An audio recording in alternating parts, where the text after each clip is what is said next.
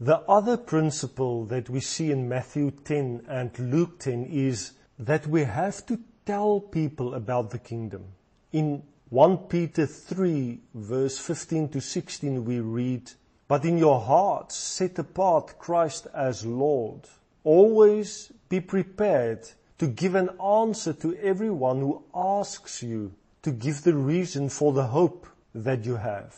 But do this with gentleness and respect, keeping a clear conscience, so that those who speak maliciously against your good behavior in Christ may be ashamed of their slander. Always be ready to give an answer to any questions people may ask regarding your behavior or your faith. You may have helped someone in need in a practical way, and then you may be asked, why do you care? Or, you prayed for me the other day, why do you pray for people? Answer only the question and nothing more. Do not give people a mouthful of religious talk. No. They only want the answer to the question they asked you.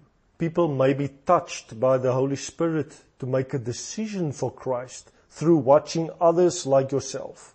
They will notice that you are different in your actions and words. The next question may only be asked a few weeks later, but it does not matter. As long as you are always ready and prepared to answer questions regarding your faith or to witness regarding your acceptance of Christ as your Savior and why you believe in Him. One of the best ways to witness is to tell your own story of salvation, pointing the way to Jesus who changed your life and circumstances. This you do at an opportune time. It is important that you understand what I'm saying.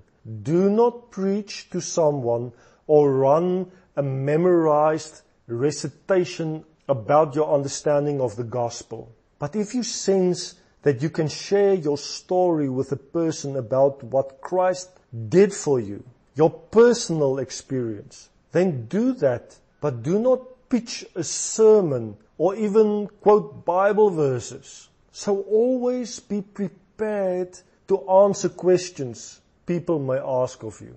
Listen carefully to people as they sometimes ask subtle questions. Think about those questions and refer back to them at another time and witness about the reality of Jesus in your personal life.